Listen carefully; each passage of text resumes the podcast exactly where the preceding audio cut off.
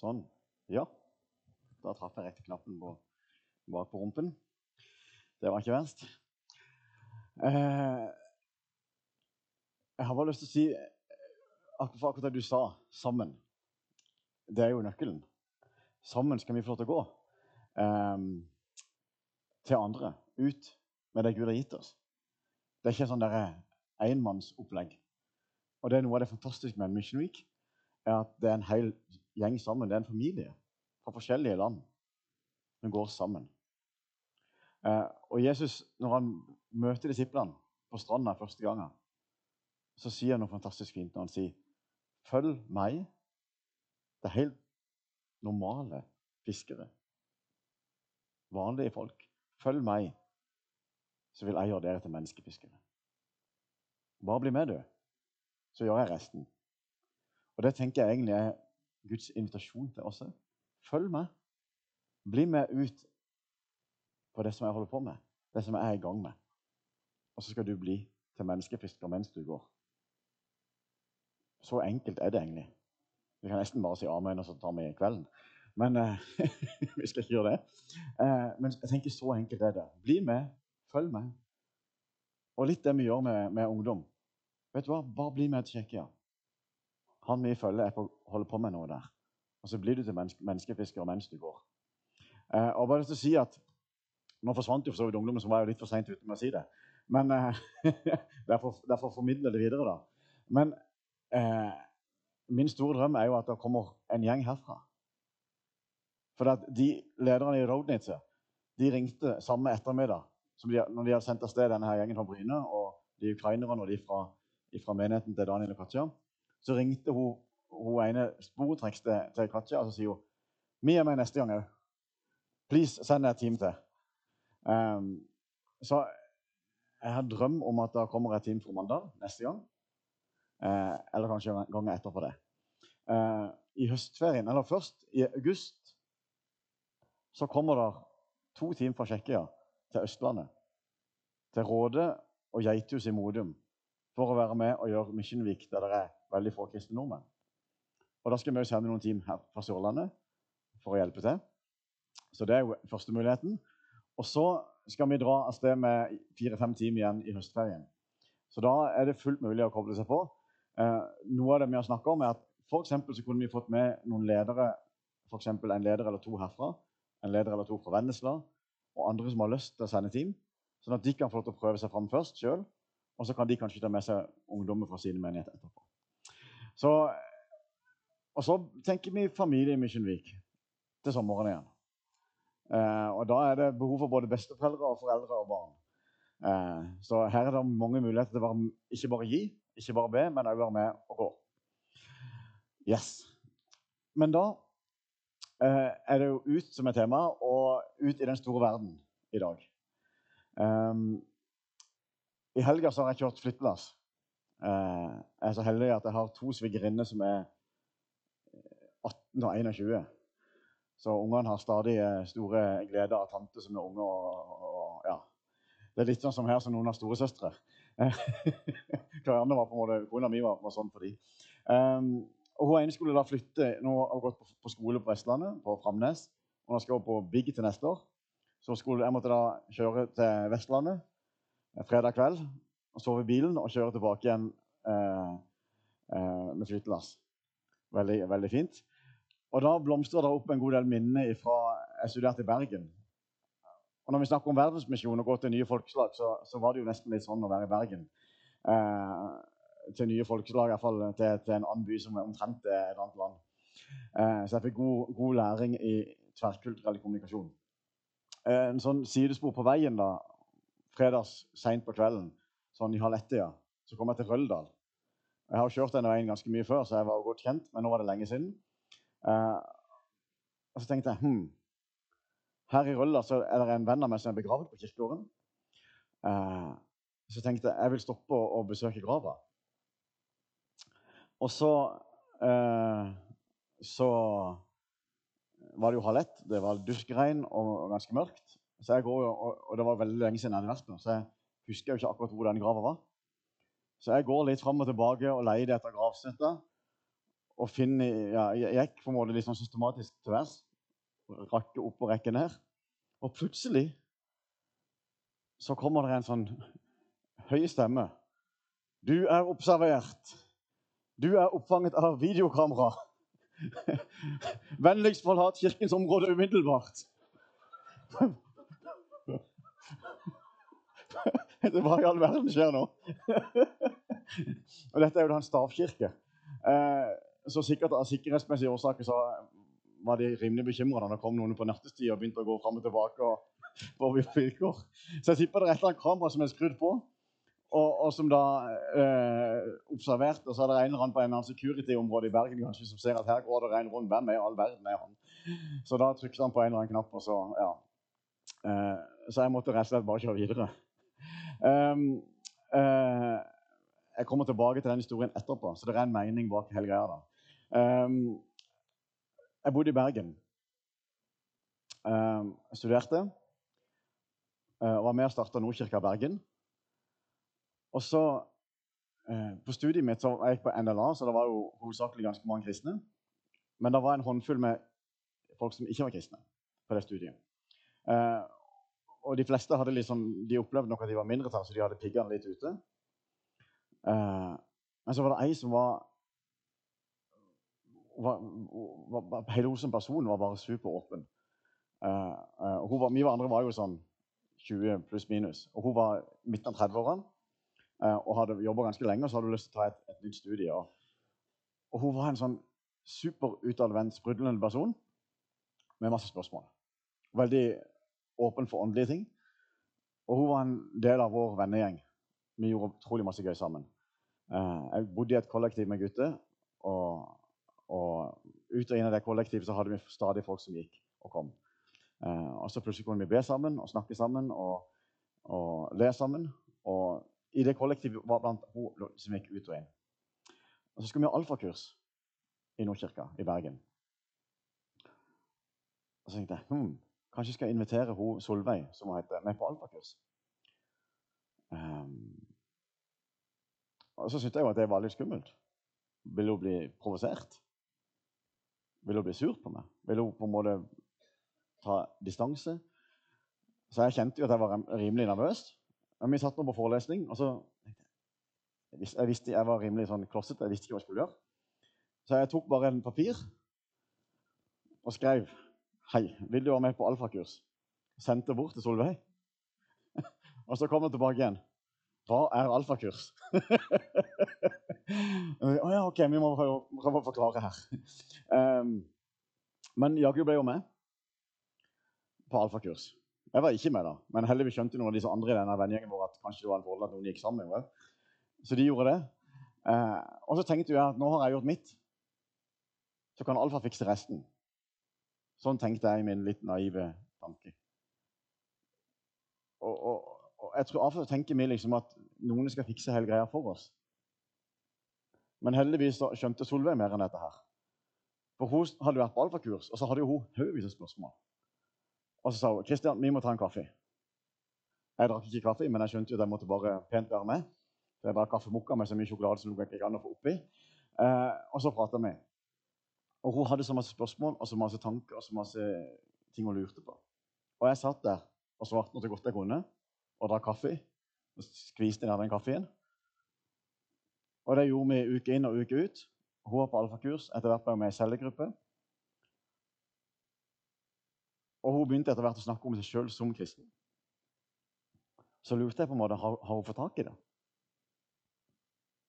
Er hun kristen? Har hun fått tak i dette? Og så um, sitter vi der og drikker kaffe en dag. Og så har du snakka en del om at uh, hun har samboer. Uh, og samboeren hadde en bror som livet hadde vært ganske heftig for. Uh, så han kom, De inviterte han av og til på besøk. Og når han kom på besøk, så kunne han plutselig være full, og han kunne eksplodere og ødelegge alt. Og så måtte de kaste han ut. og så gikk det liksom to år eller et år, og så, så prøvde de på nytt igjen. Og så sier hun, vet du hva I går så var han på besøk. Og vi hadde håpet sånn at skulle, endelig skulle det bli bra. Og så kom han, så spiste vi middag, og så eksploderte han, og så velta han bordet. Og så forsvant han i raseri, og, vi, og, og samboeren min var bare kjempesint. Og så sier Solveig Vet du hva? Vanligvis vil jo vi bare ha ikke orka å tatt kontakt på et år. Men jeg lurer på om det Jesus ville gjort, var å invitere han tilbake igjen i morgen. Hm. Tenkte jeg. Der skjer visst noe her. Hun fikk tak i et eller annet. Hvordan er Jesus i møte med oss?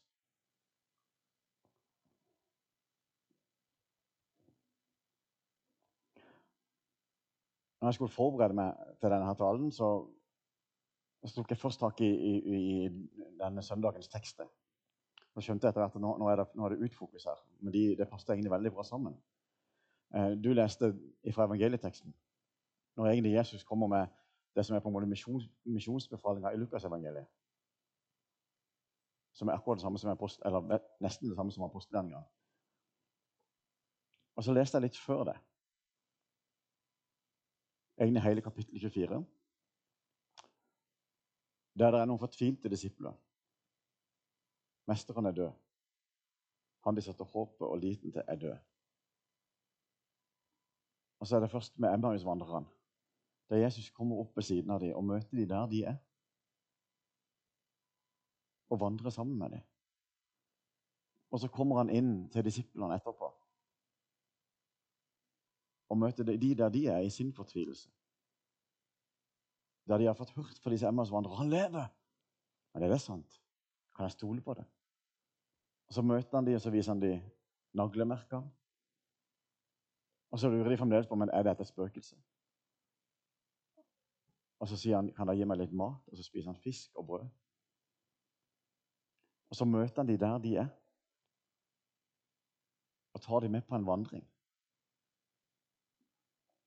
Og så er den andre teksten fra Isaiah,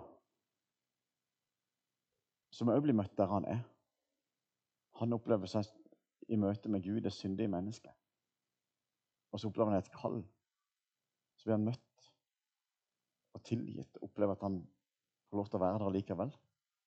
Og så er den tredje teksten fra postgjerningene. Paulus i Aten. Atenere som ikke aner noen ting om hva som foregår som ikke har hørt et kvidder om Gud. Og så kommer Gud gjennom Paulus, og så møter han de der de er. Han, han kommer inn, og Før han begynner å fortelle evangeliet, så snakker han om der de er i møte med en, en ukjent Gud og denne statuen og historien som de kjenner. Og så ser du gjennom hele Det var de tre tekstene. Men om hele Bibelen. Hva er det Gud gjør? Han kommer oss i møte der vi er. I livet. I smerte, i utfordringer, i sår, i vanskeligheter. Han her broren som hadde et ødelagt liv. Som var drikkfeldig og som var voldsom. Og så kommer Gud igjennom ei dame som er nylig blitt kristen. Og skjønner at vet du hva, vi kan invitere han tilbake igjen i morgen. Og møte han der han er. Altså, Det måtte oppleves. Når du opplevde at tidligere respons er at det går et år eller to før du blir invitert tilbake igjen. Du er invitert tilbake igjen i morgen. Selv om du har rota det fullstendig til. Og tenker, Det er jo den Gud vi har møtt. Det er jo vår erfaring. Og så kan det hende at noen av oss trenger den i dag. Der er jeg nå. Der kommer Gud meg i møte. Han veit, og han ser. For et par-tre par, år siden så hadde vi den tøff situasjonen hjemme. Og kjente at det røynte skikkelig på. Det hadde liksom gått Det smalt, liksom. Og så hadde det vært tre uker med heftig opplegg. Der vi på en måte bare strevde uten å gå inn i detaljene. Og så så jobbet jeg på Byremo bedehus da. Og så var jeg på en ungdomssamling, ungdomsalfa, med ungdommene. Og nede i kjelleren så det, hadde de voksne en sånn samtalegruppe eller bønnegruppe. et eller annet. Og litt sånn tilfeldig så slutter vi samtidig. Så når jeg skal lukke ned og låse, så har de lukka ned og låst nede, og så kommer hun ene som sitter i styret på, på bedehuset der, og, og, og, vi går ut samtidig og skal og låse. Og så snur hun meg og sier Kristian, så går det med deg?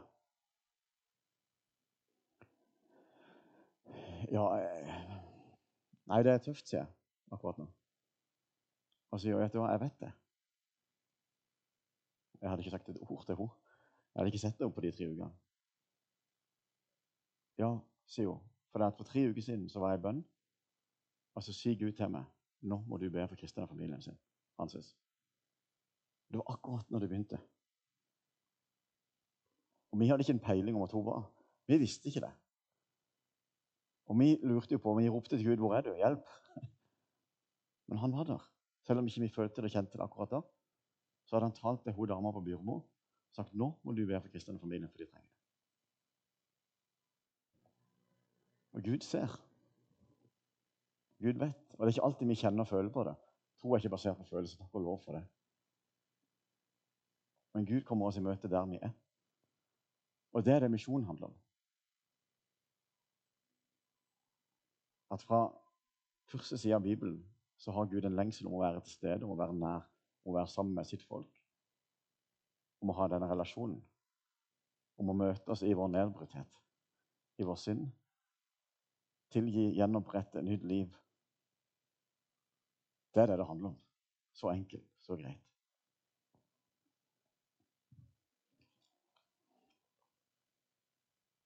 Det er det som skjer i Roadnitze når det er tre ungdom som opplever at de aldri hadde hørt om dette her. På tsjekkisk ungdom det er sånn at de, de aller fleste de har ikke peiling. De vet at det, at det var noen bilder av en sånn gammel kirkebygg på den der eh, filmen.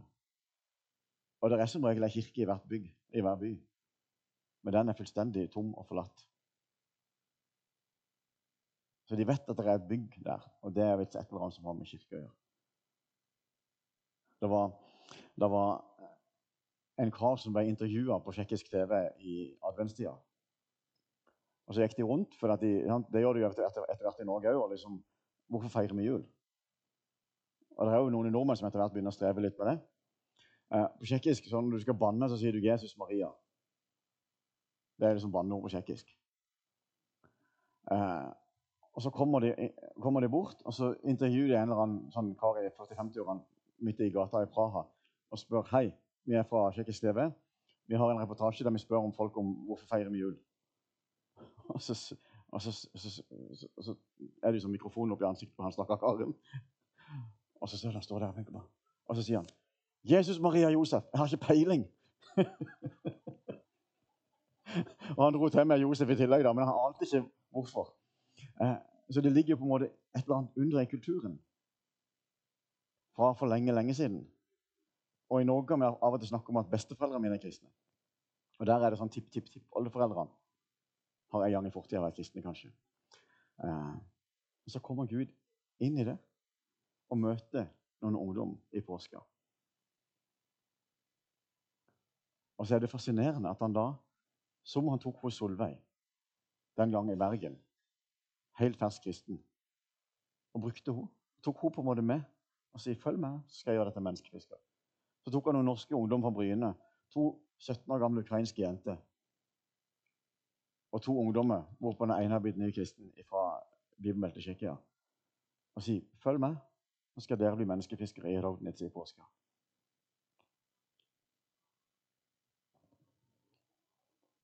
Han tar oss på en måte med inn, som han gjorde med Paulus, for å møte mennesker der de er. Og Noe av det fascinerende er at vi tenker ofte at det er vanskelig og komplisert. Det var det jeg tenkte når jeg skulle invitere Solveig på alfakurs.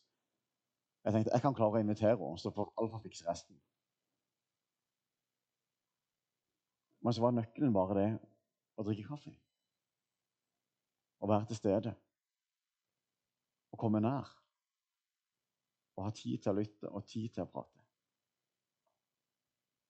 Og jeg tenker Misjon egentlig er så enkelt som at Jeg gjør det samme som Gud gjør. Jeg møter mennesker der de er. Og så går jeg den der vandringa sammen med dem. Og For noen er det å ta imot Jesus på første fotballkamp. For hun Miriam som tok imot Jesus etter at vi hadde vært der, så tok det et år. Og Min oppgave er bare å gjøre som Gud og komme nær og være til stede. Lytte, prate, peke på Jesus. Vandre sammen med.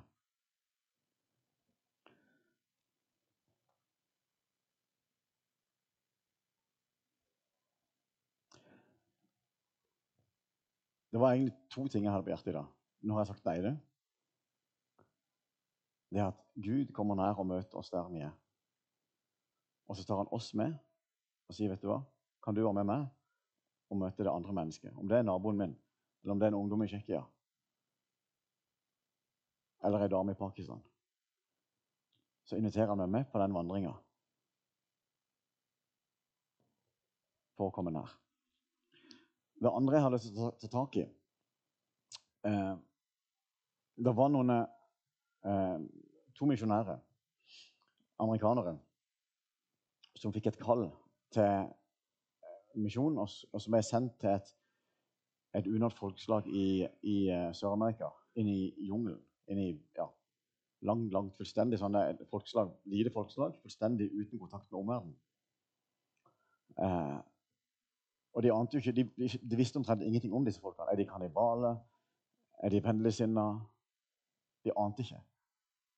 Men disse to de drar inn der og blir en del av og på en måte bruker jo sikkert mange år på å få tak i språk. Og blir tatt imot. De blir ikke spist. Men de blir tatt imot. Dette her er en sånn 20-30 år siden. Og tar språket, begynner å forkynne evangeliet. Og så blir mer eller mindre hele stammen kristne. Og det blir stor glede, og de er kjempetakknemlige. Og så har de en sånn her rådslagings... Eller de har en sånn feiring, da. En eller annen Ja. Og så midt i feiringa så sier høvdingen tar ordet, og så, han, og så holder han på med den takketalen til disse to misjonærene. Og så sier han du, tusen, tusen takk for at dere kom fortalte, fortalte om Jesus.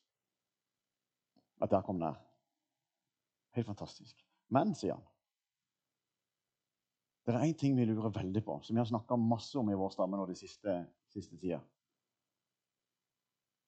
Hvis dette skjedde for 2000 år siden, hvorfor kom det ikke for nå?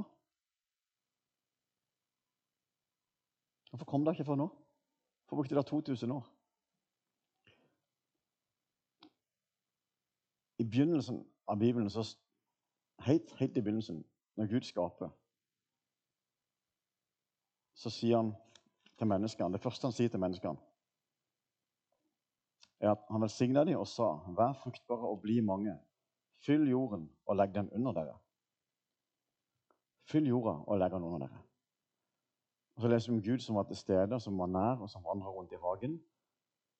Og Guds plan var at menneskene skulle fylle jorda, at han skulle få lov til å vandre mellom dem. At hans nærvær skulle være over hele jorda. Og Så går det jo, som vi vet, ikke helt etter planen. Og så kommer det til Babels tårn, og der står det noe veldig interessant. Hele jorden hadde samme språk og samme ord. begynnende. Og så sier menneskene, 'Kom, la oss bygge oss en by og et tårn som når opp til himmelen,' 'og skaffer oss et navn, så vi ikke blir spredt utover hele jorden.' Det de rett og slett ønska, var å bygge et tårn sånn at de ikke ble spredt utover hele jorda. Menneskene ville akkurat det motsatte av Gud. Han ville at de skulle fylle jorda. Og de ville bare være der de var. Og så skjønte de at da må de bygge seg sjøl. De ville bygge sitt eget rike. De ville ha nok med seg sjøl. Her hos oss er det så godt. Her har vi det greit. Vi skal få alt det vannet ikke ut til resten av verden. Og så forvirrer Gud språkene og sprer det utover hele verden. Så han får viljen sin likevel. Og så kommer Gud nær med Jesus midt iblant mennesker på ett sted. Og så kommer pinse og Den hellige ånd. Og så blir de språkene som eieren ble forvirra, de blir plutselig mulig å forstå igjen med pinseunderet. Og så sier Jesus, 'Dere skal være mine vitner.' Jeg skal begynne i Jerusalem, i Judea, i Samaria og helt til jordens ende. Så gjentar han på en måte sin visjon på nytt igjen. Er dere med? Gud på en måte prøver på nytt igjen å fylle jorda med sitt nærvær. Gud ønsker å gå en kveldstur i hagen. Gud ønsker å være nær. Hele GT er jo om at tempelet. At Gud ønsker å ha en bolig blant oss. Og så står det om Jesus at han tok bolig iblant oss. I Message så står det at han flytta inn i nabolaget. Gud kom ned og hele tida han lengter etter å være til stede, etter å komme nær, etter å være overalt. Å fylle jorda og være til stede. Det er det jeg har lyst til å si som nummer to. At denne her dragkampen inni oss, den der det er på en måte egentlig ikke naturlig, men som er blitt det naturlige, det som egentlig opprinnelig var unaturlig, at vi vil bygge oss sjøl og ha det fint og godt her, den får tak i oss òg. Det som tok tak i Babel, folk i Babel, den kan fort få tak i oss òg. Men Gud vil videre. Han vil til neste menneske. Han vil møte det mennesket der det er. Om det er ditt nabohus, om det er i Rodnitz, eller om det er i Pakistan eller Mali. Gud vil videre. Han vil til neste menneske. Det er hans natur. Og så sier han 'bli med'. Og så er det noe i meg og deg som så utrolig gjerne bare vil bygge her og nå. Her vi er. Har, gått, har nok med oss sjøl. Og heldigvis kommer Gud meg i møte. I min utilstrekkelighet og i min synd. I min ønske om å bygge meg sjøl, om å bygge her. Og så sier han, 'Kom, bli med. Følg med, så skal jeg gjøre deg til menneskefisker.'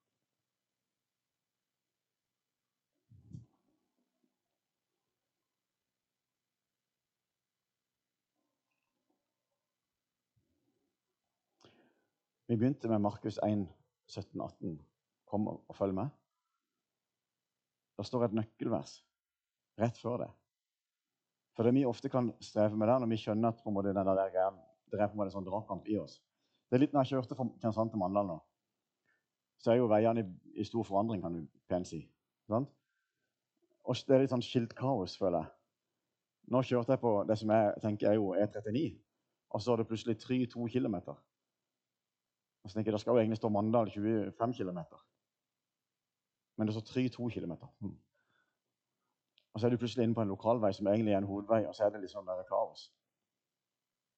Og så er det litt sånn det der to, det er på en måte et nytt system som skal inn. Og få tak og få plass. Et nytt skillesystem, et nytt veinettverk. et nytt ja. Og litt sånn er det i våre liv, tenker jeg. At det er på en måte to systemer. Det er det systemet som vil bygge meg og mitt og oss og vårt. Og så er det Guds system som kommer inn og som vil noe helt annet. Det vil ut, det vil velsigne, det vil til neste. Hele tida videre. Og Det handler ikke om å på en måte brenne ut og slite ut, og alt det der, for det, det, ser man jo på hele Jesus at det, det er ikke det det handler om. Men han vil hele tida videre. Og De to systemene lever på en måte i oss. Og så kan vi tenke ok, da må jeg ta meg sammen. Ta deg sammen, Kristian. Ta meg sjøl i nakken. Der er det litt hår jeg kan dra i ennå. Men det funker jo ikke i det hele tatt å ta meg sammen. Skjerp meg. Det nytter ikke. Det er ikke det som er løsninga. Og det Jesus sier til disiplene rett før Rett før han sier 'følg meg, skal jeg gjøre dette til.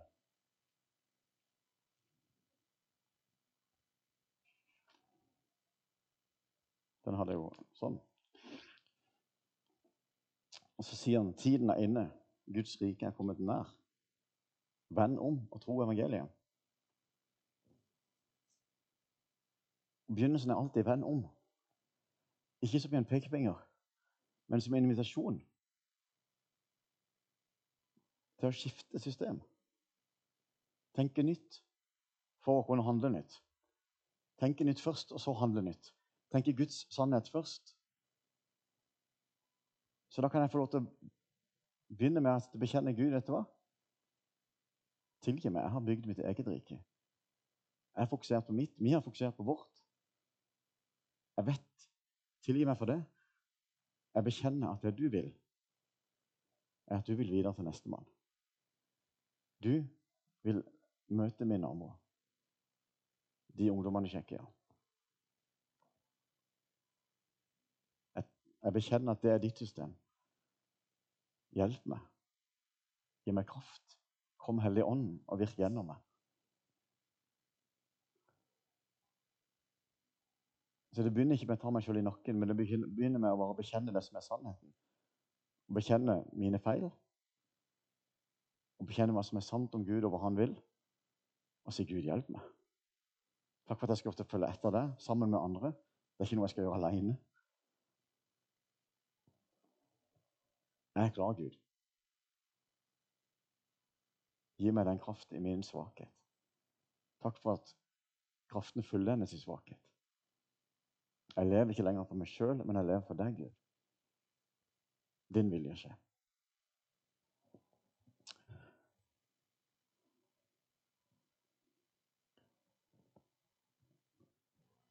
Og så er det bare så utrolig viktig. Fordi at vi tror på en Gud som lengter etter å møte mennesker der de er,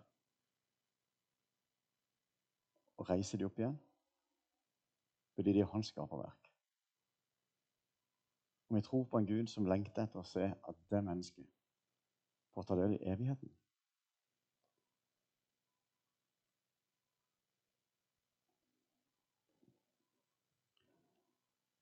Den grava som jeg besøkte, var grava til Solveig.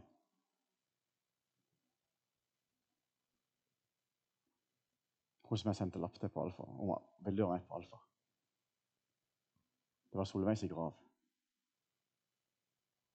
Og Tre år etter at jeg sendte den lappen, så ble hun påkjørt av en buss og drept.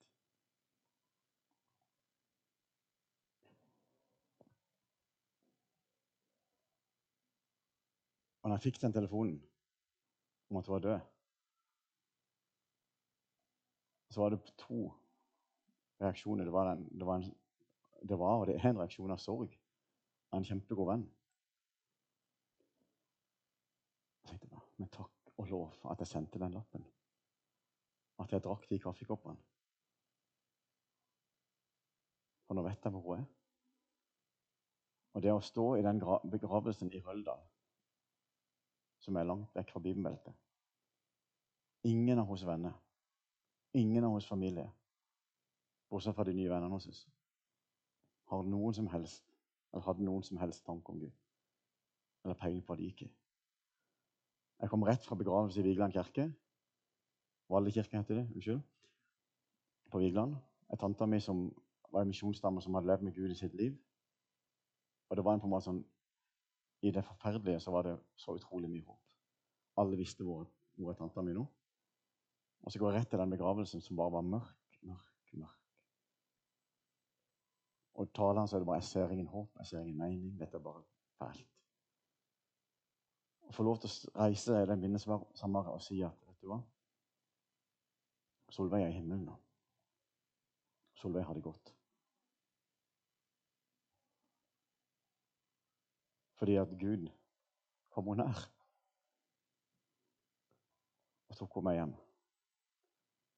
Og så inviterer han meg og deg.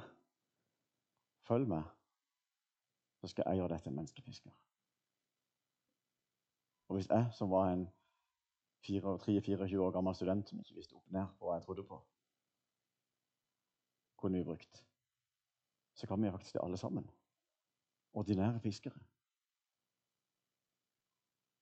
Og Noe av det fantastiske når vi leser apostelgjerningene, og leser videre etter at han gir dette befalinga Jerusalem, Judea, Samaria til jordens ende så De følger jo ikke med i timen, de heller. De holder seg veldig godt i Jerusalem ganske lenge.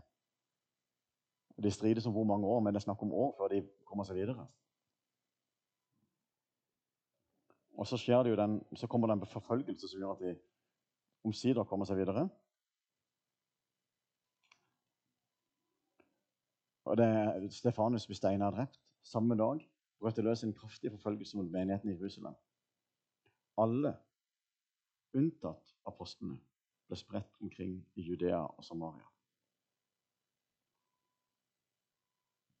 Kapittel 11, vers 19. De som var blitt spredt pga. den forfølgelsen som begynte med Stefanus, reiste omkring helt til Fønika, Kypros og Antiokia. Men de forkynte ikke ordet for andre enn jøder. Da noen av dem, folk fra Kypros og Kyrene, kom til Antiokia, forkynte de evangeliet om Herren Jesus også for de gresktalende. Og Herrens ånd var med dem, slik at mange kom til tro og vendte om til Herren. Alle unntatt apostlene ble spredt. Så når den der bevegelsen endelig begynte, så var det ikke de profesjonelle. Det var ikke sjefene og lederne. Det var ikke Peter og Jakob og Johannes.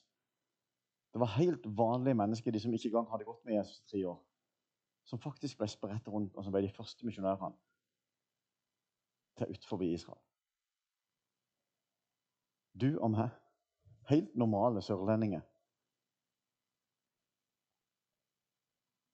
har invitasjonen stående. Følg med, så vil jeg gjøre det til menneskefisker. Og Det kan godt være at det går til naboen. Det kan godt hende at det går til Tsjekkia. Kanskje skal noen av dere til og med til Mali. Ikke vet jeg.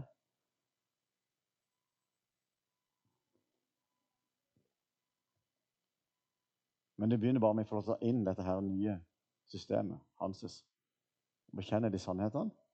Og så bare ta det der steget i tro om at hva hvis jeg tar et lite steg og kommer noen nær, så får jeg lov til å se hva du gjør, Gud. Og så resten så må det, får jeg lov til å stå der og se at du virker. og så får jeg lov til å gjøre mitt. Også. Ja. Takk, gode Gud, for at du kom meg nær. Takk, gode Gud, for at du kommer hver og en av oss nær. Du er nær oss i dag, om vi føler det eller ikke. Her er. Her er vi med våre liv. Vi legger det ned foran deg. Tilgi oss for at vi så fort begynner å bygge vårt eget rike. Begynner å bygge meg og mitt og oss vårt.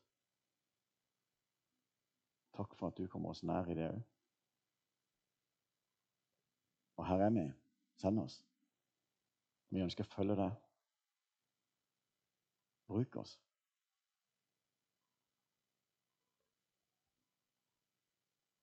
Mm.